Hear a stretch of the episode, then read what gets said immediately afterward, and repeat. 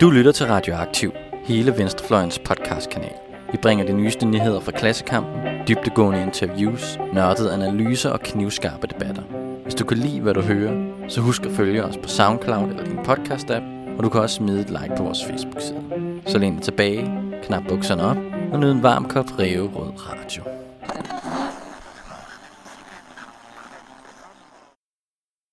Hej og velkommen til Salonsocialisterne Radioaktivs alkoholpodcast, hvor vi drikker og taler os gennem sommeren og gennem kapitalismens historie. I dag sidder jeg med en ny medvært. Øhm, vi har i dagens anledning Jens Philip Puriajastani som medvært på dagens udsendelse. Og vores gæst er Rasmus Elling, lektor og Iranforsker, samt forfatter af den lydigt udgivende Irans moderne historie, og det er lektor ved Københavns Universitet.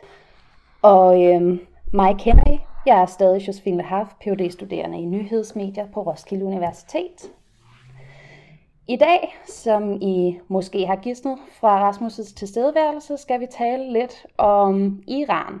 Og om Iran som en alkoholfri kultur, men også modsætningsforholdet med Iran som en alkoholkultur. Mm. Øhm, og jeg synes, vi skal starte med måske lige at introducere de drikkevarer, vi har ved bordet her. Vi sidder med noget. Er der en, der kan hjælpe mig med at udtale det her ord?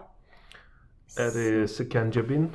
Sekanjabin. Mm-hmm. Og øhm, man skulle ikke tro det, jeg kan ikke udtale det, men det er faktisk mig, der har lavet det. øhm, det kommer vi til at tale lidt mere om, hvad det er, men det er sådan en, en sur-sød drik med sukker og eddike og lidt agurk i øhm, til lejligheden. Og så har Rasmus taget en, du er kommet med, Rasmus? En dure obali. Det er dure, som også er kendt som ayran i den tyrkiske mm. kultursfære nogenlunde. Ikke? En yoghurtdrik. Mm-hmm. En salt øh, yoghurtdrik. Og jeg vil egentlig... Den man kender lidt, lidt eller den man kender fra kebabmanden. Nemlig, når man, okay. får, sådan, når man får sådan en ayran, øh, når man har været nede og spise en shawarma et sted, ikke? Så, så har de, den har de også i Iran, og den er ja, nær, næsten det samme som den, de har i den tyrkisk talende kultursfære, øh, og mange andre steder forresten, men den vender vi jo tilbage til. Ja, men jeg synes egentlig til at skyde os i gang, at vi kan starte med at tage en tur rundt om bordet til lige at høre, hvad vi hver især har af personlige erfaringer med forskellige iranske drikke. Øhm, Rasmus, har du lyst til at starte? Smider dig på ulvene her? Ja, altså, øh, ja, men jeg har mange personlige erfaringer med iranske drikke i den forstand, at jeg har øh, rejst til Iran og boet i Iran og studeret i Iran i perioder over de sidste 20-25 år. Øhm, øh, I al den tid, jeg har, har arbejdet med landet, ikke? og så er jeg jo blevet gradvist introduceret til de forskellige ting. Øhm, det, der jo selvfølgelig mangler på bordet, og det er måske også meget fint, når man tænker på, at vi indspiller det her program om morgenen, det er, det, det er iransk spiritus. Ja. Øhm, som, jo, øh, som der jo er i Iran, på trods af, af det officielle alkoholforbud, så drikker iranere. De drikker rigtig meget, og det er mange forskellige ting, de drikker. Øhm, men, øh, men ja, det, det altså, jeg vil indrømme, jeg laver ikke Sikan Jabin derhjemme selv, men jeg tror, øh, efter lige at have smagt den her, det kunne jeg godt finde på at gøre. øh, og så du, som, som øh, Jens Philip var inde på, er jo noget, man kan i hvert fald få i Ayran-formen i shawarma-butikker. Nu var jeg heldig at finde den rigtige du øh, fra det berømte firma Obali her, på, øh, her i København. Øh, men ellers så kan man godt købe den tyrkiske version, som er mere udbredt. Mm-hmm. Og hvad med dig, Jens Philip? Jeg har i virkeligheden ikke så mange erfaringer med sådan de her kølige, dejlige, lækre, læskende iranske sommerdrikke. Øhm, te har fyldt rigtig meget. Choi, mm. som man vist øh, kalder det på persisk, øhm, derhjemme. Det, Iran er også i høj grad en, en, en te-kultur øh, og gerne med, med masser af mælk og sukker i hvert fald, som jeg har fået den, øh, fået den serveret. Øhm, og det har, det har fyldt, fyldt rigtig meget, synes jeg. Og, mm-hmm. Både i Iran og også i Danmark, øh, hvor at, at jeg glædeligt har drukket det rigtig meget, og stadig gør det i dag selvfølgelig. Øhm, men jeg kan også huske, at når man sådan skal tænke på sådan drikkevarer og Iran og sådan noget, så kan jeg huske, at da jeg var i Iran for efterhånden 10 år siden, tror jeg, øhm, det er sådan en rejse, der står lysende klart for mig, øh, på trods af alle, alle andre rejser om, omkring den, du var så gammel tid for mit vedkommende, ikke? kan jeg slet ikke huske. Den rejse kan jeg godt huske. Og jeg kan huske, at vi var oppe i, oppe i bjergene et sted i, i, i Nordiran, og vi pludselig, midt i den der sådan lille landsby, hvor der er en eller anden købmand, øh, finder en alkoholfri tuborg. Øh, hvilket jeg var sådan lidt, what? Hvad? er, er det også her-agtigt? Ja. Øhm, og det, det står sådan dysende klart, og måske også noget, som vi kan, ja. vi kan vende tilbage til den Det, øhm, alkoholfri øl det minder mig faktisk om, øh, og, og det er vel som en, en slags indirekte hilsen fra Alex, har jeg taget et par alkoholfri Heineken med. Det siger han, det, det var den han... Øhm, Heineken ikke var dårligt nok i forvejen. altså, jeg, jeg tænkte også mit, men øh, da jeg så kunne vente, så tænkte jeg, at øh, det må vi hellere. Men øh, altså, jeg kan også sige om mig selv, at jeg har nærmest ingen kendskab til iranske drikke. Men altså, i, i forbindelse med den her podcast, er jeg blevet kastet ud i selv og lavet sådan en gang øh, second jibin. Og er blevet rimeligt afhængig af det. det er et, øh, jeg tror, jeg kan ikke huske, om det der var et Nutella-glas eller et honningglas, men det er sådan et rimelig stort glas, som altså er blevet fyldt op på, en, på anden gang nu her, og, og det er rimelig enkelt at lave, men jeg kan sige så meget, at, at man får kogt sådan to kopper af sukker ned til, hvad der svarer til et Nutella-glas i flydende form. Mm. Øhm, men, men det, øhm, det er jeg blevet instrueret i, kan drikkes, eller at man drikker blandt andet sammen med agurk og gerne lidt limesaft. Mm. Så det har jeg også sat ved bordet her. Men jeg henter Det lige... smager virkelig også godt. Det smager altså, det smager virkelig... Ja. Skål. Skål. Skål. Bistalamati. Salamati. Nush. Men jeg tænker, at øhm, jeg henter lige de der Heineken bare for sjov. I behøver ikke drikke men nu har vi dem. Ja. Øhm, men måske skulle vi øhm, hælde en gang af den der dur op. Det kan vi godt, ja. Altså jeg ved ikke, nu, nu skal det jo lige siges, Sekanjabin er jo også noget, man bruger som en slags øh, folkemedicinsk præparat mod forskellige tilstande. Ikke? Altså der er jo i, i sådan traditionel øh, iransk folkemedicinkunst, der har man nogle idéer, som er overleveret blandt andet via græsk filosofi og græsk medicinviden, øh, den antikke verden. Idéer om, øh, at forskellige ingredienser har forskellige kvaliteter, kan bruges til at lindre forskellige typer smerter, og kan alle sammen kategoriseres i varme og kolde. Så i Iran der er det meget sådan at man må ikke blande varme og kolde ting, og det betyder ikke temperaturen på Mm-hmm. Det man indtager, det er, hvordan det kategoriseres. Og jeg har altså ikke lært at kategorisere det, men der sidder sikkert en iransk lytter derude og siger, nej, de må ikke drikke, de må ikke drikke et mælkepræparat lige efter, de har indtaget et eddikebaseret præparat. Det kommer til at smadre deres fordøjelse eller sådan noget. Ikke? Så der er en kæmpe stor, øh, hvad hedder sådan noget, ja, øh, folke, folkeviden bag de her forskellige drikke. Og man bruger dem til forskellige ting. Og det ved vi blandt andet også, fordi at øh, vi kan spore det tilbage igennem klassisk persisk poesi og litteratur, hvor der er referencer til det. Mm. Den kendte øh, persiske digter Rumi, øh, han har i, i hans mest berømte store værk, Masnavin, der er der sådan en, øh, der er der en scene i starten af, af værket faktisk, hvor at en prinsesse bliver syg, og de kan ikke finde ud af, hvad hun fejler, og de prøver at give hende sekanjabin, mm. og når det ikke hjælper, så går det op for lægerne, at det må være hjertekvaler, hun lider af. så der er, der er så, der, de har forskellige øh, kvaliteter, de her ting, ikke? og nu, nu i, i videnskabens navn, der blander vi dem i det her program, men jeg er ret sikker på, at i virkeligheden må man ikke øh, blande. Man skal i hvert fald passe på med, hvad man blander. Øh, Okay. Ja. Det er simpelthen også fordi, du siger, at Sekanjabin ikke kun er en sådan forfriskende, læskende drik. Du siger mm. også, at den ligesom bliver anset som at have nogle sådan helende og helbredende. Og... Ja, og der har man jo i Iran en lang række forskellige ting. Altså hvis man, øh, øh, hvis man for eksempel mener, at hvis man har ondt i maven, så får man sådan noget, der hedder araknanor, som er et mynteudtræk, øh, som man drikker som sådan et shot eller blandet i et glas med noget. Øhm, og der er altså også bare, hvis man går i en iransk købmand her i Danmark, men især selvfølgelig nede i Iran, så er der et kæmpe udvalg af forskellige sådan urte, og krydderurte, ekstrakter og ting, man kan indtage øh, Ja. som en drik, som skal kunne hjælpe med alle mulige forskellige ting. Ja. Så der er en stor øh, ja, sådan urte, urtevidenskab, som også har fået en revival i Iran. Ja. Fordi at man jo selvfølgelig i en, en periode ligesom har set lidt ned på de, de her traditionelle ting som overtro, og nu skulle man have rigtig videnskab fra Vesten og så videre, Ja. og man skulle have moderne medicin og så videre, men den yngre generation og i nyere tid har ligesom fundet tilbage til de her traditionelle ting og, og dyrker. De har hele tiden været der i bestemte samfundslag og ude i landet, men nu snakker jeg om sådan middelklassen i Teheran, mm. og begynder at indse, at det er vigtigt at genopdage alle de her urter og drikker og ekstrakter og elixirer, som man har udviklet igennem Ja. tiden, fordi øh, Iran som, som Persien jo har en meget lang historie øh, for naturvidenskab øh, og naturvidenskabelige øh, landvindinger øh, og grundlæggende tekster for, for, for moderne medicin kommer også øh, øh, via Iran fra Grækenland eller og, og, og i nogle tilfælde også øh, fra øh, Iran eller Persien, som det hed i gamle dage, ind i vestlig medicinkunst. Øh, så der er, der, er en, øh, der er en forhistorie øh, på alle de her drikke, vi har på bordet.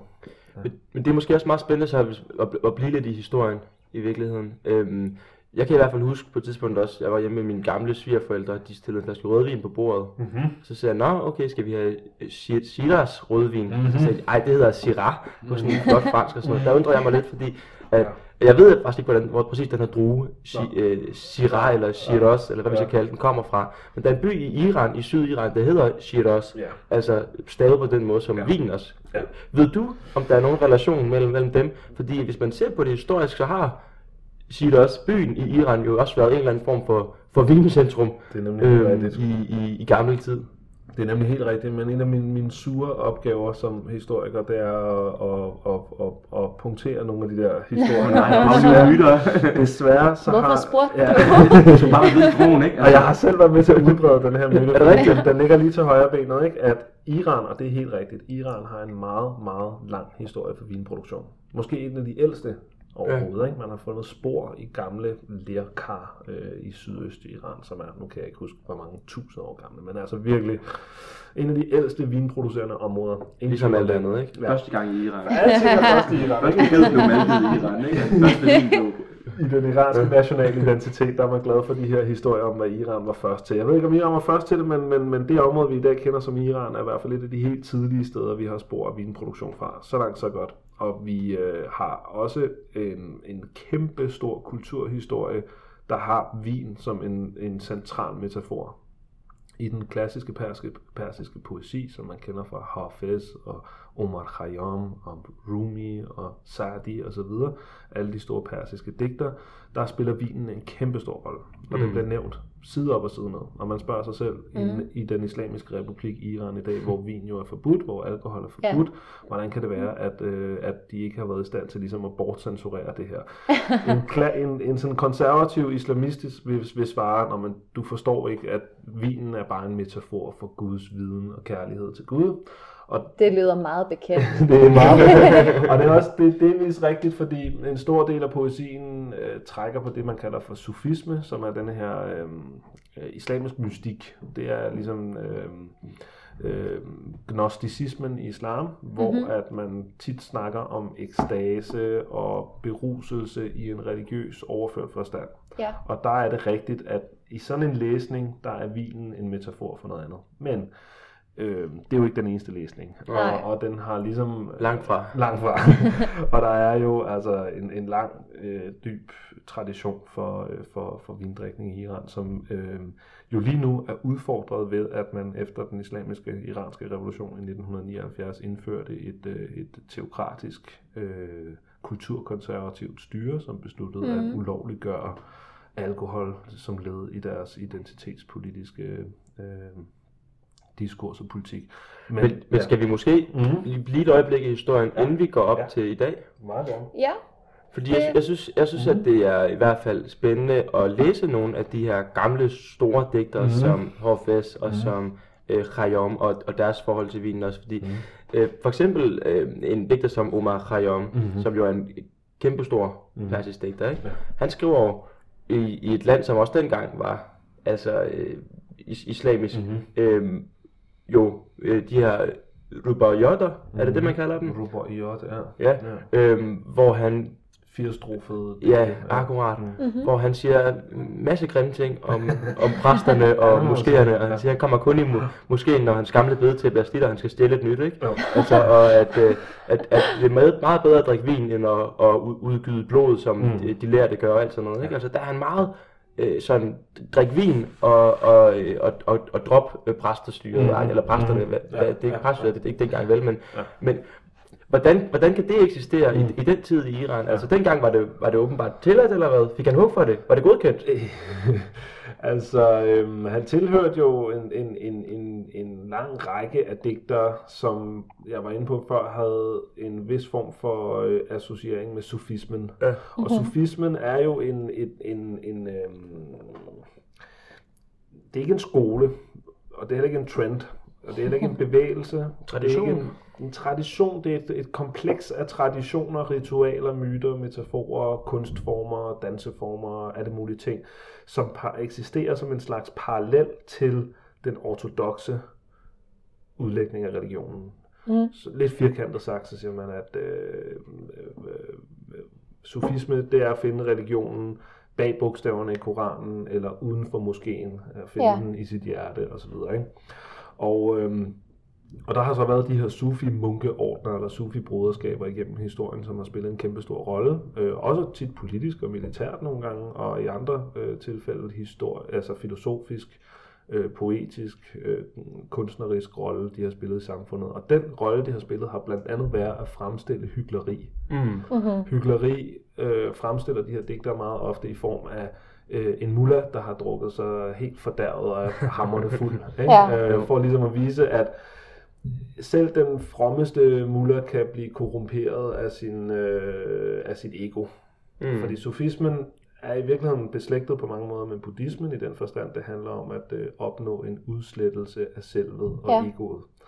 Øh, fana, som det hedder, nirvana, øh, Ja. den ultimative udslettelse af, af ens øh, øh, dyriske øh, laveste behov og ens ego, og så at smelte sammen med Gud. Mm. Og det er, som jeg har forstået det, også noget, som i en vis udstrækning opnås gennem ritualer, også fysiske ritualer, ja. som, som vel godt kunne sammenlignes med meditationer, ja. men som jeg har forstået det, er de mere fysiske. Det er Dans for Øhm, eksempel. dans, ja. Ja. Man kender de, de vivlende dervisher, som ja. man kalder det, ikke? Det er, det er faktisk en, en sufi-orden, et sufi-broderskab, som er baseret på øh, de læresætninger, man kan finde i øh, Rumi, som jeg nævnte før, Ja. digte. Men, Øh, altså, men altså også alkohol. og, og ja, og det er jo her, det går hen og bliver rigtig komplekst, ikke? Fordi jeg kunne godt tænke mig, altså jeg ved godt, at man tit fremstiller det som, på den ene side, der har vi nogle kulturkonservative præsteskabs, øh, altså præsteskabet, ikke? Og mm. de er mod alkohol, og på den anden side, der har man en mere flippet udgave af islam. Men i virkeligheden er det lidt mere kompleks, fordi mm. Rumi er jo i virkeligheden en sharia-dommer. Ja. Han er uddannet, Ja. Det må du lige forklare. Ja. Jamen, han er uddannet til at, at, øh, at, øh, at forvalte islamisk lov. Ja. Vi snakker 1200-tallets øh, Ja. iranske kultursfære, og det er vigtigt lige her at huske på, at Rumi boede faktisk ikke i det, der i dag er Iran. Han blev født i det, der i dag er Afghanistan på grænsen til det, der i dag er Tajikistan, og levede det meste af sit liv i det, der i dag er Tyrkiet, men han talte og digtede på persisk, og derfor er han helt klart lige så meget iranerne, som han er tyrkernes og Ja. afghanernes osv. Men han blev altså uddannet øh, dommer, øh, ligesom for resten Khomeini, vi kommer til at tale om senere, øh, men fik en åbenbaring i løbet af sit liv, som gjorde, at han blev Mhm. mm-hmm. mere flippet og øh, gik i retning af, af den her sufisme. Så han er sådan en sammensat størrelse. Han er 100% muslim, og han vil gerne leve op til islams forordninger, men der er ikke nogen tvivl om, når man læser hans digte, så ser man jo billeder af, Mm. af, af sufi-munke, der vivler rundt i ekstase og spiser hashish ja. og drikker sig fulde på vin og dyrker øh, homosex og altså der er fuldt Gedeseks. og gedeseks, Gedeseks er der også og- skildringer. Ja. og, og sjofle vittigheder og jokes, og der er virkelig højt til loftet, og vi skal huske på, at i 1200-tallets Iran på mange måder var jo, og, og den iranske kultursfære i 1200-tallet var på mange måder en, en multietnisk kosmopolitisk scene, hvor der var Mhm. mm-hmm. alle mulige strømninger og religiøse udlægninger og filosofer og digtere. Og det var et meget sprudlende kulturliv, ja. som også gjorde, at man kunne udfordre nogle af de sådan mere ortodoxe udlægninger af religionen. Og også uden at det nødvendigvis bør være et modsætningsforhold, Ja, hører jeg dig lidt sige. Ikke? Ja. At man godt kan både være fuldgyldig muslim, Ja. og samtidig også drikke alkohol. Ja, Ja. Som Hoffes Som Hårfest, han, ja. han hedder også Hårfest, det kan du Hårfest, måske også ja. sige. Hvad- Hvad betyder Hårfest? i Jamen, Hafez, som er en af de andre store digtere, altså det betyder en, der har memoriseret Koranen. Præcis. Og igen, mm-hmm. han har også en træning som øh, islamisk lært, Ja. men ender Ja. ja. med at blive den her flippede digter, som vi kender i dag, som vi, en vindyrkende øh, digter. Ikke? Men øh, han siger også noget i retning af, nu kan jeg ikke lige huske det ko- korrekte citat, men at Det er for dårligt. man kan... at man jeg regnede med, at du kunne sidde og recitere Hårfest. Øh, Desværre ikke lige, det er ikke lige på stående. Ja, så bliver det et, et, øh, så bliver det et andet digt af Hoffes, men det er, mere, det er mere det her med, at han siger, at halvdelen af tiden, der flipper vi ud og drikker os fulde, og den anden halvdel, halvdel af tiden, der er vi asketiske og fromme og overholder mm-hmm. alle religionens principper. Og det synes jeg, sådan, hvis vi skal sige det lidt firkantet, afspejler meget godt den brede befolkning i Iran. At man Ja. ja. kan godt sagtens være religiøs og drikke alkohol i ny og næ. Det er rigtigt nok, der er selvfølgelig nogen, der bruger religionen som en selvkontrolsmetode øh, metode til ikke at drikke og ryge for Ja. ja. mange smøger, ryge heroin og opium og alle de andre ting, alle de mange andre fristelser, der er i Iran. Mm-hmm. Det er måske så en fin overgang til den moderne tid. Mm-hmm. Ja, Fordi at nu startede vi med at sige det her med Iran som alkoholfri kultur. ja, Men spørgsmålet er virkelig også, hvor, hvorvidt Iran er en alkoholfri kultur, ikke? Altså, øhm, du nævnte, og der kan du måske pick op igen, Rasmus, Ja. øh, efter den, øh, den iranske revolution, efter øh, Khomeini han tog over, Ja. øh, så blev alkohol forbudt.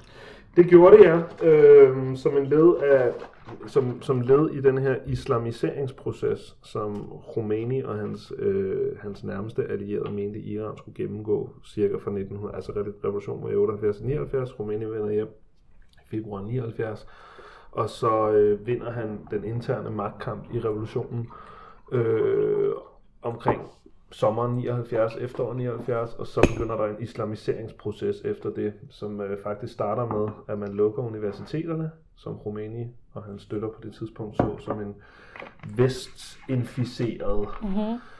bastion for kætteri og afgudstyrkelse og sekularisme og frigjorte ja. kvinder og alle de andre ting, som var øh, et led i vestlig kulturimperialisme. Så lukkede man nogle universiteter ned og annoncerede, at nu skulle der være en islamisk kulturrevolution. mm. Og en af de ting, man gennemførte ved lov, var, at man ikke måtte drikke alkohol. Den eneste undtagelse, der var, det var de kristne minoriteter i Iran. Øh, okay, Ja, og det, dem er der nogle af, der er armenere øh, og assyrer og nestoriansk kristne. Det er små samfund. Det armenske er det største. Ja. Der er ret mange armenere i Iran. Øhm, særligt i byen Esfahan, hvor jeg har boet og studeret, hvor jeg faktisk boede i det armenske, øh, det armenske kvarter. Og der Ja. fik jeg at vide, øh, at man som armener og kristen kunne gå ind og købe alkohol under the counter, men at de var meget, meget forsigtige med ikke at få det til at se ud som om, at det var et sted, hvor alle kunne komme og få alkohol. ja. Det fik man alle mulige andre steder, Ja. det kan vi måske vende tilbage til. Nu begynder vi at snakke om det der med øh, politiske forsamlinger, så synes jeg lige, vi skal Ja. gå tilbage til, til den, Jens Philip startede med at sige te. Ja. ja. Te er jo enormt vigtigt af forskellige årsager. Og, Øh, og hvad forstås der her med te? Jamen, mør, sort te. Ja. Sort te, simpelthen, ikke? Øhm, og igen, her bliver jeg nødt til at starte med at punktere en, en, en, en, en national myte i Iran, fordi te er simpelthen te, det tror jeg, du vil give mig ret i, Jens Philip, du var også inde på det i introduktionen, te, det gennemsyrer livet i Iran. Det er alle steder. Man kan Ja. ikke forestille sig, altså alle steder, ikke? Truckstop ude i ørkenen, der er te, og der er te morgen, middag, aften, der er te, te, Ja. te, te, te. Det hører sig til. Det hører virkelig bare Ja. til. Overalt, og det altså er en, altid. Det er en ritual, ikke? og det, der, får, der er masser af socialisering, der foregår omkring det her, at få en kop te. Ikke? Mm. Men te er faktisk relativt nyt i Iran. Ja, Okay, ja, øh, igen, man har selvfølgelig spor af, at der er blevet drukket te gennem historien og sådan noget, men det er faktisk først fra 1800-tallet, at te bliver udbredt i Iran.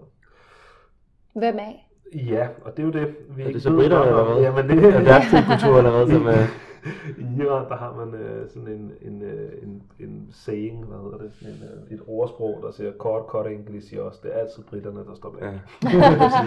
og det er, der er selvfølgelig et sammenfald med, at begyndelsen af 1800-tallet, det er der, hvor britterne virkelig begynder at åbne deres handelsforbindelser øh, og deres magt øh, over for iranerne. Ja. Øh, før har der været portugiser og hollændere i den persiske golf fra 1800-tallet.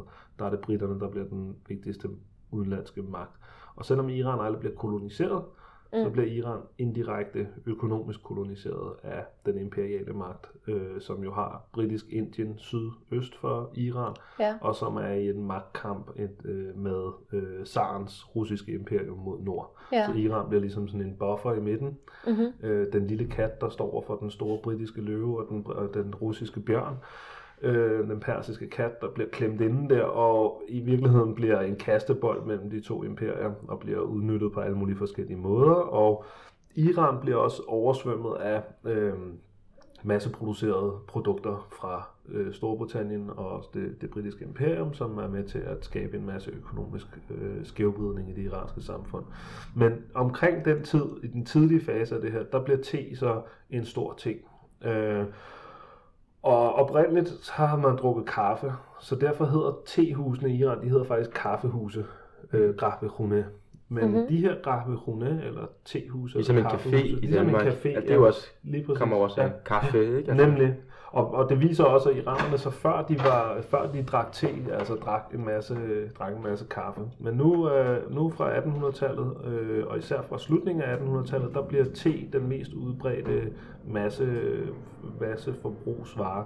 Og i slutningen af 1800-tallet, nu begynder det at blive sådan en helt habermask analyse der mødes de oplyste mænd og drikker te sammen i kaffehusene og diskuterer, hvorfor Iran er så tilbagestående. Og Aha. det lægger så kimen til Irans første moderne revolution, som er grundlovsrevolutionen i 1905. Og der har i hele op, optakten til grundlovsrevolutionen, hvor iranerne altså indfører konstitutionalisme, de indfører grundlov, de åbner et, et folketing, et parlament, Ja. øh, med inspiration fra øh, alle mulige hændelser i verden. Øh, det antikoloniale oprør i Indien øh, mod de, de britiske magthavere der, øh, japanernes sejr over russerne i den japansk-russiske krig, og øh, den første russiske revolution også. Øh, og omvæltningerne i nabolandet, øh, Osmaneriet, det som snart bliver Tyrkiet. Øh, der, mød, der, der spiller de her tehuse og undergrundsklubber, hvor man mødes og drikker te og læser avisen og diskuterer politik, de spiller en kæmpe stor rolle. Det er Mhm. ligesom en slags protopartier. Ikke? Det er før man har egentlig deciderede politiske partier, der har man de her Der har man tehuse. tehuse Ja. og det, der hedder Faramushrune, eller sådan en slags frimurerloger. Øh, Mm. Inspireret af europæiske frimurerloger, så grundlægger man de her hemmelige selskaber. Ja. Øhm, og der, det, det, det fører så som sagt til den første, den første revolution i det moderne Iran. Og nu drikker vi jo du. ja, nu er vi gået over til du, hvilket jeg ikke har forsøgt mig med før. Nej. Den har sådan lidt en sådan, den, der står altså Gårds Dotter, at der skal være at der skal være bobler i. Det er der ikke rigtigt. Det er der ikke rigtig. Den er Hvad synes du om den til gengæld? Det er acquired taste, ikke? Jeg synes, den er enormt forvirrende, Ja. fordi God beskrivelse. Det er et meget forvirret drik. altså, den, den lugter meget sød, Uh. synes jeg faktisk. Ja, Øhm, og lidt krydder, ikke? og, og smagen... Der er et eller andet, der får mig til at tænke på ris. Selvfølgelig yoghurt, Ja. og sådan enormt salt. Og jeg, jeg havde... Jeg var forberedt på, at den ville være salt. Ja. Det havde jeg godt fået at vide. Men jeg var ikke klar over, at det var salt på den her måde. Er nej, det er- virkelig salt. Ja, det er, Ja, det er det. Det er også en meget, det er ikke, det er ikke sådan en helt neutral yoghurt, Nå. altså som man Nej. kender den op fra, fra brusen. Nej. Altså, den, Nej. øh, den smager også af noget yoghurten. Ja, ja. Jamen det er jo så, det er jo du. Øhm, Som staves. øh, det, altså det kommer an på, hvordan man transliterer, ikke? Men D-U-G-H, Ja. øh, Mhm. mm-hmm. vil jeg nok skrive det som, øh, hvor GH, det laver sådan en gr, gr lyd, ikke? Ja. Det er dur. Øhm, og den har rødder i en anden vigtig del af Irans historie, nemlig øh, stammekulturen eller nomadekulturen, selvom de dog ikke alle sammen var nomader, men alle de øh, iranere, og det var jo langt flertallet frem til 1900 og 1920'erne, som boede med får og gede, øh, øh, for, for, med deres får og geder ude på landet. Så har det... Er det stadig for eller givet? Jeg tror, nu der er en ko her på øh, Ja. på Ko med cover. Øh, så Nå det ja, kan det kan sikkert jeg også laves, men det kan jo, altså, man har jo alle mulige varianter af produkter, som øh, bliver adskilt fra andre produkter i øh, processen. Så for eksempel, sådan som jeg forstår det, så duh, det er i går så en affaldsproduktet fra smørproduktion. Mm-hmm. Så det må være for køer, ikke? Mm. Men man har jo alle mulige, ligesom ja. i resten af Centralasien, Iran er jo lige så meget i Centralasien, som det er i Mellemøsten. I Centralasien har man jo gæret hoppemælk og jeg ved ikke, alle Ja. mulige, Ja. alle mulige øh, mejeriprodukter fra de forskellige dyr, man havde ude på landet. Men øh, rigtig mange iranere frem til moderne tid, øh, frem til 1920'erne, hvor at den moderne stat begyndte at tvangsbosætte nomaderne og kræve, at folk de skulle leve mm-hmm. et moderne liv i et hus og ikke rejse rundt ud på landet som, Ja. Men, men Øh, selvom så- nomaderne er blevet Ja. tvangsbosat, så lever durken stadig videre. Dukken lever videre og er blevet en, øh, en nationaldrik, ikke? Det er Ja. noget Ja. af alle iranere. Så er der så forskellige versioner, ikke? Altså tit den, man synes jeg, man får i Iran, det, det, det med, øh, det er, øh, den her, vi drikker nu, den er angiveligt med brus. Jeg synes ikke, der er så meget brus i, men Nej. den er lidt flad. Øh, men det kan være med brus eller uden brus, og så er det tit med mynte i. Ja, Det kan også være med agurk i, ligesom vi lige har fået i Sekanjabin. vi har mere agurk. Der er jo alle mulige varianter på det her, ikke? Men det her, det er sådan en klassiker op Ja. Det er et meget kendt selskab, der ligger nordøst for Teheran, oppe i bjergene, øh, som har produceret den her berømte dog i, øh, i øh, jeg ved snart ikke, hvor lang tid, men det er et gammelt selskab i hvert fald. Og hvornår drikker man det? Jamen, du spiser man, drikker man tit sammen med kebab, Okay. som jo er nationalretten, ikke? Ja. Øh, grill, grillstegt øh, spyd med, øh, med, med lam eller okse øh, eller kylling. Øh, og så til det, der får man pulao, altså pilau, en stor bunke øh, aromatisk ris. Mm. Øh, det er den langkornede basmati ris med, Ja. øh, med øh, gerne med noget af risen er blandet med øh, safran Ja. og øh, med smør på. Det smager rigtig godt. Godt med smør. Godt Ja. med smør. Det har jeg godt lagt mærke til. Så det er sådan typisk, det er noget, man vil spise til, når man skal have kebab. Ja. Øhm, men vi snakkede lige om før, at det kunne også være sådan en slags second breakfast, ikke? fordi man bliver nærmest mæt. Altså, Jo, jo, jo. Den, Ja. den, den er Jo, jo. omfattende. Ja. Man kan bare drikke sådan et glas der, så, så skip morgenmaden næsten. Ja. Altså, så, så en kop kaffe til, eller en et glas te, så kører man. Vi, vi er kommet en lille bit smule ind på, øh, på medicin Mhm. og, og drikkevarer, som, som bruges som, som mediciner, sådan mm-hmm. nærmest homeopatiske mm-hmm. mediciner dybest set. Ja. Øhm, og at det er illeset at blande nogen med nogen, og vi ved ikke helt, hvilken nogen.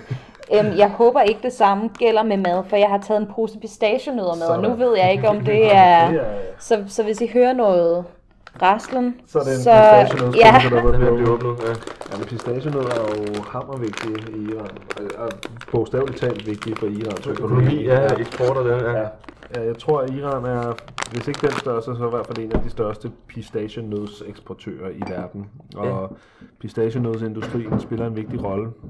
Så vigtigt, at jeg mener også, at man er blevet nødt til at lave undtagelser for sanktionerne mod Iran, så man kunne blive Så man bliver at forsyne Så man bliver nødt til at forsyne- Vesten med, med pistachienødder. Præcis. Altså, Okay. Nu er der sikkert andre lande, der vil blive sure, når jeg siger det her, men de bedste pistachienødder i verden kommer fra Iran. Øh, de kommer specifikt fra, fra det sydlige, centrale Iran. Hvad, hvad spiser man ellers til sin drikkevarer? Så sidder man også med nogle, nogle dadler måske, og Dadler til teen, ja. Øhm, og så, øhm, ja, hvad kan man forestille sig? Der bliver spist mange sådan nogle, øhm, sådan nogle frø. Sådan Ja. nogle, solsikkefrøene. ja, Ja, ja, ja, eller hvad det hedder. Som folk sidder, og de har sådan en teknik, så de hurtigt kan bide skallen åben. Med og, tænderne. og suge, den, suge kernen ud og spytte skallen, og så til sidst ligger der sådan en kæmpe bunke på jorden af, af, af skaller. Overalt. Ja, Ja, overalt. fuldstændig. Det bliver der spist meget af. Så er iranerne også vilde med... Øh, Det er ligesom at køre i 5C. Det ja. er, den henseende. det er lidt det samme faktisk. Ja, det tror jeg. Så folk knækker sig ud til gerne. Og... Totalt. Ja. Det er det, det, den. Øh. Og så... Øh, og så er iranerne glade for pofak, som er... Det er sådan nogle... øh, Hvad fanden hedder de på dansk? Ostepops. Sådan nogle chips. ikke? Det lød meget mere facet, da du sagde det. På faktisk ikke bare på fak, ikke? Så tænker man, okay, hvad er det altså? Ostepops. Ja. Men jeg, jeg synes, det er fair at sige, at når man kommer hjem til iraner, så er der også altid frugt. Ja. Ja. Der, kommer, der kommer te og frugt ind øh, med det samme, når man kommer på besøg hos iraner. Iraner er verdensmestre i gæstfrihed. Ikke? Øh, det er bare... Der er sådan en helt kultur omkring det der med at sørge for, at ens gæster får noget at drikke og spise. Øh, og det får jeg nu. Ja. Det er pistachienødder af min vært her. Det, du er godkendt som iransk værtinde. Jeg har faktisk et spørgsmål ja. til det, fordi øh, min, min far er født og opvokset i Cairo, ja. og han har bildt mig ind. Jeg ved ikke, om det passer. Han har bildt mig alt muligt ind. Men, øh, men han har lært mig, at i Ægypten er sådan, at, at der også er en enorm gæstfrihed. Øhm, men at der til gengæld også er en enorm fattighed, og at måske derfor er der opstået en kultur omkring at byde gæster på mm. mad, og at en høflig gæst siger nej tak de første to gange, mm. de bliver budt på noget, og først tredje gang siger man ja tak, sådan så verden har en mulighed for at holde op med at spørge, hvis de i virkeligheden ikke har råd til at, yes. at dele det her. Er det også tilfældet i Iran? Fuldstændig. Det er det, man kalder taruf. Taruf, det er en hel, øh, ja, det er en hel genre af ord og ver- verbale og ikke-verbale måder at interagere med hinanden på en høflig måde. Okay. Og en stor del af det er altså, at man, øh, ja, at man netop, når man bliver tilbudt noget, rituelt siger nej tak. Man siger, at jeg Ja. vil ikke være til besvær, jeg vil ikke have, og nej, og, og Ja. det er så sødt, og så videre, og så videre. Og så, også selvom man gerne vil faktisk have det. Man siger aldrig Ja. bare ja eller nej første gang. Man siger altid, man har altid lige sådan en periode, hvor man skal igennem noget Tartuffe. Og Tartuffe er også bare hele den, øhm, det spil, man kører igennem, når man møder folk. Ja. Altså, det spil lyder måske lidt kynisk, fordi det er faktisk meget hyggeligt. Ikke? Det er sådan Mhm. mm. en måde ligesom at sige, "Nå, hvordan går det, hvordan går det med familien, hvordan, før man godt Ja. kommer down to business. Ikke? Ja. Øh, men det er rigtigt nok, som, som, som din far siger i den øh, egyptiske tilfælde, at, at den, den ting også hænger sammen med, øh, med fattigdom. I den forstand, at Iran er jo ikke, Iran er faktisk et relativt velstående land. Mm. Det har en af de største middelklasser Ja. øh, i, i, i Vestasien. Ikke? Øhm, og øhm, sådan decideret fattigdom i absolute termer er der meget lidt af. Der er der selvfølgelig okay. fattigdom i relative termer. Det vil sige, at folk ligger ikke og sulter øh, i Iran, i hvert fald kun meget, meget sjældent.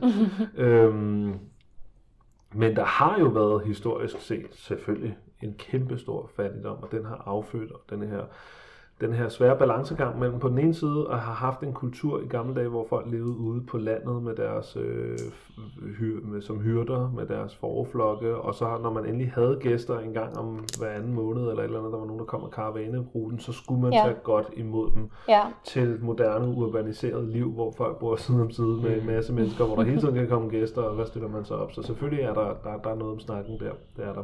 Og man kan godt nogle gange som, som udlænding og gæst i Iran, lige tænke sig om en ekstra gang, fordi at iranere er så sindssygt gæstfrie, og man skal lære, Hvornår det egentlig er for alvor, Ja. og hvornår det bare Ja. er... Ja, og jeg tror nu egentlig, det er altid for alvor, men nogle gange så er det bare ikke, så, så er det bare ikke fedt for en, en fattig familie at lige pludselig at skulle Nej. stille op med den kæmpe fede bid, og det tror metaforisk.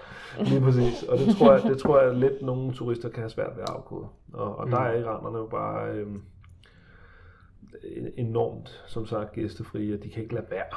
Ja.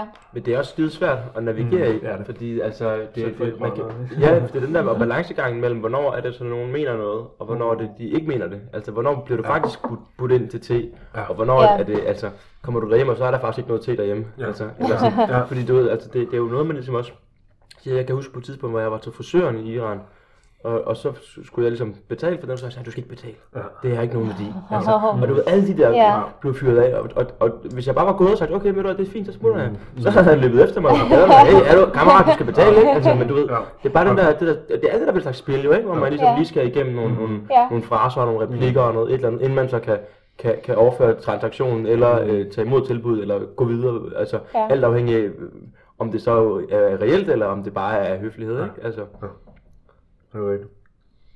Og det gælder også helt ned til taxaen og sådan noget, ikke? Altså, når de ser, det er en udlænding, øh, en gæ- en gæst, der kommer, ikke? Eller hvis det er en, en iraner, der kommer fra udlandet, så tit er det sådan, nej, nej, du skal ikke betale og sådan noget. Dine penge kan ikke tages imod her, og de har alle mulige ord. De, Ja. Men i sidste ende, så skal man selvfølgelig insistere på, at det gør man. Ja. Øhm, og og det, det er en del af kulturen, ikke? og det er en del af, af den samværsform, der, der, der er i Iran. Øhm, Må jeg vende tilbage til noget, vi snakkede om lidt Ja. tidligere? øh, jeg synes, det er enormt spændende, det der med...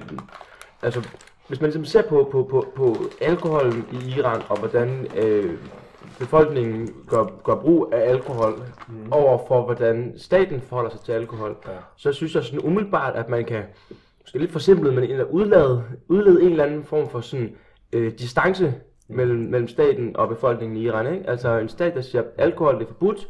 Der er en befolkning, hvor jeg, altså jeg talte med en, en fyr, der lige var kommet hjem fra Iran, som sagde, at de fulgte tit sådan en, fyldte sådan en partybus op, fyldt med unge mennesker og alkohol, og så kørte de ud i ørkenen, mm. hvor de så kunne feste, fordi der var ikke nogen, øh, der var ikke nogen politibetjente til at holde øje med det. Altså, så kan man hjem igen, og så er bussen tømt for alkohol, og alt er, alt er øh, halal, ikke? Altså, Ja. men ikke, altså, kan man sige noget om, at at den der distance, som man på en eller anden måde kan observere i, hvordan staten og befolkningen forholder sig til alkohol, altså, er det den generelt blik på det iranske samfund i dag? Ja. Jo, men det er jo det er en af de, det er en af de fronter, hvor at, at kløften mellem officiel ideologi og, og levet virkelighed ude i samfundet kommer til udtryk. Ikke? En andet er sex og seksuelle forhold, men helt klart alkohol er en af de, de steder, hvor altså, ja, hyggeleriet også bliver tydeligst, ikke? fordi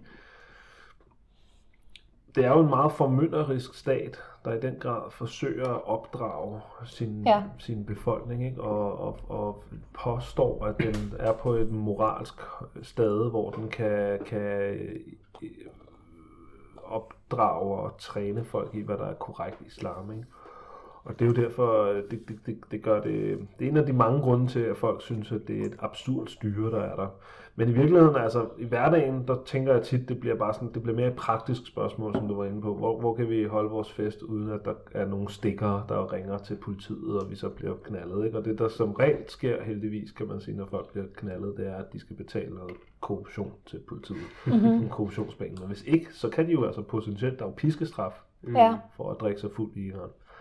Og jeg kender en, der er blevet pisket på sin bryllupsnat, fordi han var fuld, ikke? Gud, Wow. Ja, hvor forfærdeligt. Ja, det er jo ganske forfærdeligt. Altså, der er folk, der bliver pisket. Nu, nu er det mere og mere sådan en, en noget med at statuere nogle eksempler, fordi Ja. de Ja. ved godt, Ja. magthaverne i Iran, at de har tabt, tabt den kamp. Det er Ja. en symbolsk kamp, hvor de går ud og slår ned nogle enkelte steder på folk, der ikke klæder sig sømmeligt, eller unge kærestepar, der holder Men, i men hånden. de, eller... de, de kæmper den indad alligevel, virker det til. Jeg læste en artikel ja. for nylig om, at der er blevet lukket 150 af sådan nogle øh, caféer, øh, undergrundsklubber, bar, hvad man kalder det, Ja. i Teheran. Ja. Jeg ved ikke, om du... Øh, Det kommer i bølger. Altså, Ja. man har sådan noget, der hedder Amr be ma'ruf wa nahiyas munkar, som er sådan en, øh, direkte oversat betyder det, at forbyde det, forbyde det, det der er, altså, øh, hvad hedder sådan noget, øh, at opildne til det rigtige og forbyde det forkerte, sådan lidt firkantet mm-hmm. sagt. Og det er en, det er en læresætning, øh, der kommer fra en af de religiøse tekster. Jeg kan ikke huske, om det er fra Koranen eller om det er fra Imam Alis øh, overleveringer. Og det bliver brugt som sådan et slogan for sådan nogle kampagner, som staten kører i bølger.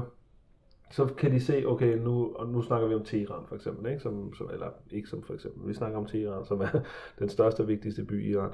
At nu er de unge bare totalt løsluppende, vi skal gøre noget ved det, vi annoncerer nu, det Amre Bemaru for Nahias Munkar, så vælter de ud, det er det, det vi kalder for det religiøse politi i Danmark, som i virkeligheden bare er politibetjente. Øh, Ja. Plus det, der hedder Basij, som er sådan en slags islamistisk folkemilits eller øh, hjemmeværn. De bliver okay. Så udkommanderet på gader og stræder, og så skal de så øh, tjekke folk, og går, de sømmeligt påklædt, og hvis ikke, så Ja. får de bøder, er de fulde, så kommer de i kashotten, og måske får de piskestraf, og så står de hårdt ned, og så dagen efter den kampagne er slut, så er folk tilbage til den normale igen. Så er det business Okay. as Så er usual. det business as usual, så drikker folk igen, så Ja. ryger de deres fede, så gør de, hvad de har lyst til, ikke? Altså, Ja. så det er sådan en, øhm, det er sådan en øh, frem og tilbage, og det er en, en grotesk ting at være vidne til, fordi det viser jo, at styret er fuldstændig ude trit med befolkningen.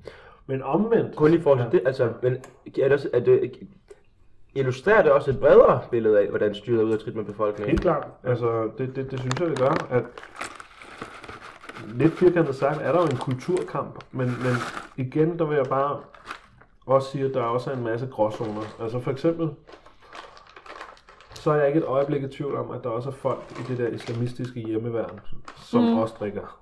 Ja. Altså, Selvfølgelig gør de det. Ja. Så er vi tilbage til Rayom. Så er vi tilbage til Rayon, den er dobbeltsidighed, ikke? som måske kan virke ekstremt hyklerisk udefra, men de har stadig det der argument med, at hvis vi tillader det, så falder alting fra hinanden. Ikke? Hvis vi Ja. tillader, at kvinder ikke skal øh, behøve at gå med slør, og hvis vi tillader, at unge mennesker kan drikke sig fulde, jamen så har vi mistet kampen øh, mod vestlig kulturimperialisme, mm. hvilket jo er fjollet, men mm-hmm. det er sådan, de ser det. De ser det som en kosmisk kamp mod både ens indre, basale drive og, og, og, og øhm, dyriske Dyriskhed. ja, dyriskhed. Det er den indre jihad, som det hedder. Mm. Og så er der den ydre jihad, som er kampen mod vestlig kulturimperialisme, kampen mod alkoholisme, narkomisbrug, som er kæmpestort i Iran. Ikke? Iran er et af de største har en af de største øh, narkomanbefolkninger, øh, øh, en af de største de, hvad hedder sådan, noget, procentdele af narkomaner ja. i deres befolkning i verden, mm-hmm. ifølge FN. Så det er noget, man er meget øh, bekymret om, også selvom man ikke nødvendigvis er islamisk fundamentalist. Så man kan godt både drikke Ikke sig så fuld derhjemme, nej, Ja. det er det ikke. Altså. Drikke sig fuld derhjemme, men så sa- samtidig støtte den islamiske republik. Jeg ved Ja. godt, det lyder mærkeligt, men, men det, det, det, det, er jo... Det giver selvfølgelig fin og mening i virkeligheden ud fra altså devisen, som er forskruet om, at hvis Ja. det er okay at gøre det i smug, fordi mm. hvis vi tillader det, så bliver det først for alvor. Ja. Altså, ja. Det, det giver jo også meget fin mening i forhold til, hvordan alle mulige andre religioner praktiseres. Ja. Øhm, Skal vi drikke en øh, Heineken, øh, selvom altså... Men jeg vil sige, de alkoholfrie øl, man kan få i Iran, er ikke nødvendigvis bedre end det her. Altså, man drikker meget af det, der hedder Mao Shair i Iran, mm. som er sådan, ja, islamisk øl, ikke? ja, Islamisk øl. Nu, nu tillader jeg mig bare at åbne den her. Men det er ja godt. men det kan du bare Det er. Man sidder jo også med pistachienødderne, så skal man Ja, have det er det, der skal, noget, ikke? der Det er skal det. noget til pistachien. Det er det. Mm. Vi skal måske også sådan så småt begynde at runde af, men jeg tænker måske et, et sted, man kunne, øhm, kunne komme ind omkring, inden vi lukker helt ned for samtalen, er, hvordan i forhold til, når man er i Iran som ikke-iraner, mm-hmm. altså, og, og her mener jeg heller ikke som, som en del af en kristen minoritet, ja. men, men som turist, som ja. besøgende. Hvad det? Der gælder Der. de samme regler for, for andre iranere. Alkohol er forbudt. Okay. Man skal ikke prøve at tage alkohol med ind i Iran, og man skal helst man skal helst takke nej, når man bliver budt alkohol i Iran. Det Okay. siger jeg af princip, for, og jeg ved godt i praksis, så kommer folk til sikkert at prøve det alle mulige steder, men jeg siger det af princip, fordi når vi som privilegerede vesterlændinge tager ned mm. til, til, en, til en, på mange måder en undertrykkende politistat som Iran, så skal vi sørge for ikke at sætte vores øh, venner og nye venner, vi møder dernede, i nogen form for fare. Ja. Og selvom at de vurderer, at det ikke er farligt, så er det jo en, et brud på loven, og derfor synes jeg, at man skal lade være. Ja.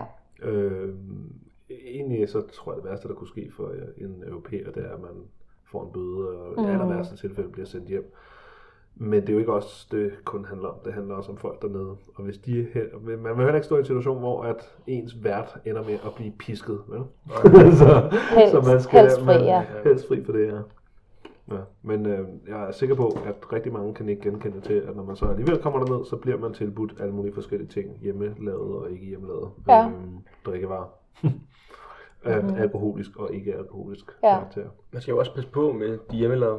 Det kan man også blive blind af. Så ved jeg også, at der er jo mange iranere Mhm. også. Jeg kender Det er nogen ikke en myte, det er nej, rigtigt. Nej, Det er nej, rigtigt, der er mange iranere, som bliver, som, aviserne. ja, ja. som simpelthen bliver blinde. Ja. Fordi at øh, hjemmebrænderi, det kan gå grueligt galt. Mhm. Altså, og når, at, og når man ikke kan købe det øh, lige så nemt, altså, og, og der er mange, der ligesom føler sig nødsaget til så at brænde det selv, Ja. ja. så det er ikke altid, man har de nødvendige kompetencer og udstyr. Det kan du heller ikke købe udstyr, sådan lige umiddelbart, skulle jeg forestille mig vel. Altså, Nej. og så bliver det et eller andet ja, ude på lokum, ja. altså hvor man øh, har en spand ved siden af og, og brænder løs. Og det, det ender faktisk med at tage synet øh, af, af, af nogle mennesker. Ja, Jamen, det er, der bliver jævnligt rapporteret om det i aviserne. Og aviserne skriver åbenlyst om det, selvfølgelig også som en del af deres afskrækningskampagne, ikke? Men, men, øh, men også sådan relativt uafhængige medier, så uafhængige de nu kan være, rapporterer jævnligt om, at så læser man, så er der 17 mennesker er forgiftet i Shiraz-området. Øh, lige pludselig, ikke? Og, og nogle gange går det rigtig slemt for sig med folk, der bliver blinde og, og, og dør også og sådan noget. Ikke? Ja.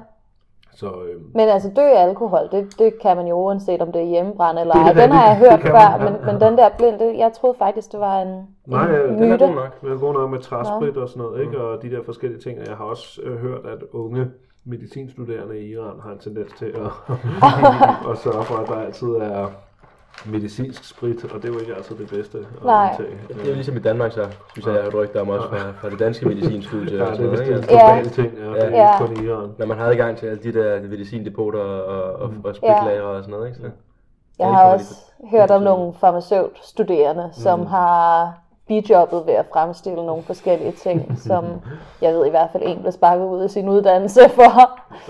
Det kan man se, det er ikke, det er ikke Ja. kun i Iran.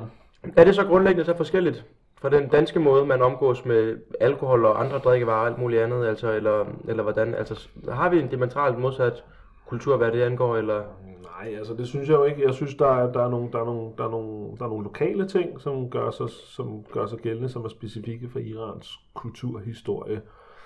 Og så også nyere politisk historie. Og dermed også nogle udfordringer, kan man sige, det her alkoholforbud. Men så er der også bare det globale, universelle, menneskelige ved, at øh, folk har øh, brug for øh, læskedrikke nogle gange, og så har de brug for at øh, drikke sig i hegnet andre gange, og det Ja. har de gjort øh, al, alle tider, og det vil de gøre til enhver tid, Mm. tænker jeg. Det, øhm, det synes jeg er kloge ord at lukke på. er du stolt af det?